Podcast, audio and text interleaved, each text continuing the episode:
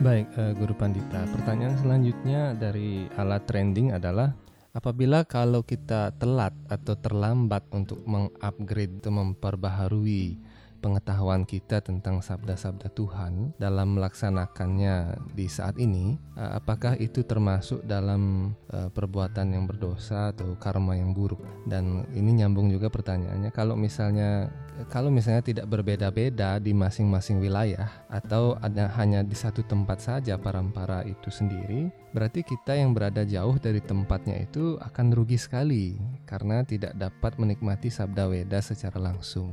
Seperti itu. Nah ini dari akal-akalan kita nih saya coba jawab. Ini kan kadang-kadang kita berpikir seperti itu. Sama seperti tadi kalau seandainya HP dibuat di Amerika, iPhone-nya itu kan dibuat Amerika, ataupun yang lain mungkin HP-HP yang lain dibuat di tempat lain, di Cina apa di Jerman di mana begitu. Terus seperti mobil itu, apakah yang lain rugi? Hmm. Tentu ya, seperti saya punya teman, dia bercerita, saya tahun 50-an itu kita sudah biasa nonton TV Dah biasa TV. Sedangkan kita dulu tahun 70-an, 80-an itu baru kita ada TV di Indonesia dan itu pun hitam putih. Film-film yang datang dari luar negeri yang kita tonton hitam putih. Nah ternyata setelah kita cek sekarang film yang kita tonton itu di medsos ini atau di YouTube itu berwarna, filmnya normal. Nah jadi tahun itu sudah 60-an 50-an mereka sudah nonton TV kita belum. Sama aja dengan saudara kita juga yang lain mungkin di belahan Indonesia yang pedalaman begitu mereka tidak menikmati juga seperti kita yang di Bali atau di Jawa begitu kan. Nah cuma sekarang kita coba alihkan kepada hal ini tentang berdosa tadi. Jadi masalah berdosa secara umum makhluk hidup lahir ke bumi karena dosa. Itu secara umum.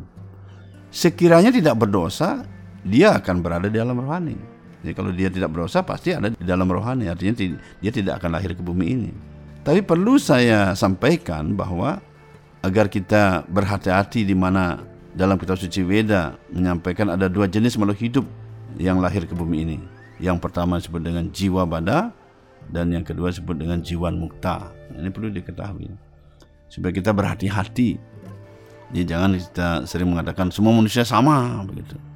Dengan lantangnya kita berbicara seperti itu. Padahal turun ke bumi ini ada disebut dengan jiwa bada, jiwa muta. Apa itu jiwa badah dan jiwa muta? Jiwa badah artinya orang-orang yang lahir karena dosa. Jadi mereka lahir di bumi ini karena dosa sehingga harus berjalan sesuai dengan karma yang mengaturnya. Sementara jiwa muta adalah orang-orang yang lahir karena tugas dari Tuhan untuk membawa misi Tuhan. Jadi tidak diatur dengan karma, tapi diatur oleh Tuhan sendiri secara langsung. Jadi mereka orang-orang yang tidak berdosa itu. Karena itu jangan menyamaratakan semua orang dengan mengatakan semua orang itu sama saja begitu kan? Justru dengan berpikir seperti itu kita menambah dosa yang baru lagi. Berhati-hatilah. Namun sebagai umat Hindu janganlah khawatir. Sepanjang roh masih di badan kalau kastaran semasa kita bernafas begitu tidak ada kata terlambat untuk meraih karunia dari ajaran Weda tidak ada terlambat. Sebagaimana saya kutip di sini dari satu sloka bahwa kita bab 6 ayat 40 sampai 45 ya. Saya ringkas saja bagaimana di sini Tuhan Sri Krishna menyampaikan bahwa siapa pun yang akan menempuh jalan rohani sebagaimana digariskan dalam kitab suci Weda, dia tidak akan menemui kehancuran. Jadi kalau kita sudah mulai sekarang belajar, coba tidak akan menemui kehancuran itu maksud. Karena selanjutnya mereka akan menikmati kenikmatan surgawi dan kemudian dilahirkan dalam keluarga-keluarga suci yang bermartabat. Ini artinya bahwa kalau kita mulai belajar Weda sekarang, jadi sudah kita mulai jalan keselamatan kita tempuh sehingga tidak ada istilahnya kehancuran bagi orang itu. Dan ketika meninggalkan dunia nanti dia akan mencapai planet-planet surga setelah hasil dinikmati di sana berakhir turun lagi ke bumi, lahir di bumi ini, lahir di keluarga yang suci dan bermartabat. Dan selanjutnya melalui kelahiran itu dia akan ingat kembali untuk melanjutkan penyerahan dirinya kepada Tuhan dan otomatis akan tertarik dan percaya kepada Tuhan dan ajarannya sehingga kita sering lihat orang mudah belajar. Mungkin ada yang agak sulit. Nah agak sulit mungkin dulu dia sedikit tabungannya. Pada akhirnya setelah sepenuhnya disucikan dari semua dosa-dosa dan menyerahkan diri kepada Tuhan akhirnya mencapai tujuan yang tertinggi yang merupakan keselamatan rohani yang tertinggi. Itu dijelaskan dalam bab 6 ayat 40 sampai 45 sini. Selanjutnya orang-orang yang seperti itu akan mencapai tempat tinggal Tuhan Sri Krishna yang tertinggi sebagaimana Tuhan Krishna katakan atau sabdakan bab 8 ayat 21. Orang-orang yang mencapai tempat tinggalku seperti itu tidak akan pernah dilahirkan lagi. Melainkan dia mencapai tempat tinggal yang kekal yang merupakan tujuan tertinggi. Itulah tempat tinggalku yang tertinggi. Karena itu berdasarkan ayat suci ini kita dapat memahami bahwa mereka yang terlahir sebagai umat Hindu adalah keberuntungan dan kesempatannya untuk melanjutkan mempelajari kitab suci Weda dan meyakininya dengan segenap jiwa dan segenap hati. Merupakan kesempatan yang besar untuk mengenali Tuhan. Seperti halnya Tuhan Sekisna atau siapa pun nama yang lain yang telah ditentukan oleh kitab suci Weda. Artinya maksudnya bahwa dalam Weda itu ada nama-nama Tuhan yang demikian banyaknya. Salah satu saya kutip sini nama Sri Krishna, mungkin juga ada yang lain. Sehingga di sini Tuhan Sri Krishna bersabda bahwa orang yang menyerahkan diri kepadanya akan disucikan dari dosa-dosa dan pada akhirnya mencapai planet-planet yang tertinggi di kerajaan rohani.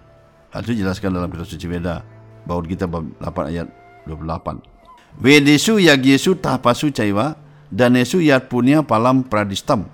Atyeti tat sauram idam viditwa yogi param stanam upaiti cadyam. Orang yang mulai mengikuti ajaran bakti tidak akan kekurangan hasil yang diperoleh dari mempelajari Veda. Lakukan korban suci dengan cerdasan dan pertapaan. Memberikan sumbangan atau mengikuti kegiatan di bidang filsafat atau kegiatan yang dimasukkan untuk mencapai segala hasil yang dimaksud. Dan akhirnya dia mencapai tempat tinggal yang kekal yang paling utama. Jadi sini dikatakan bahwa kalau kita mulai mendekati Tuhan, jadi dengan mempelajari Weda ini dan mendekati Tuhan, itu kita pun mendapat hasil dari perbuatan yang lain seperti korban suci, kesederhanaan, pertapaan. Itu mendapat hasil sana ketika kita menempuh jalan bakti kepada beliau.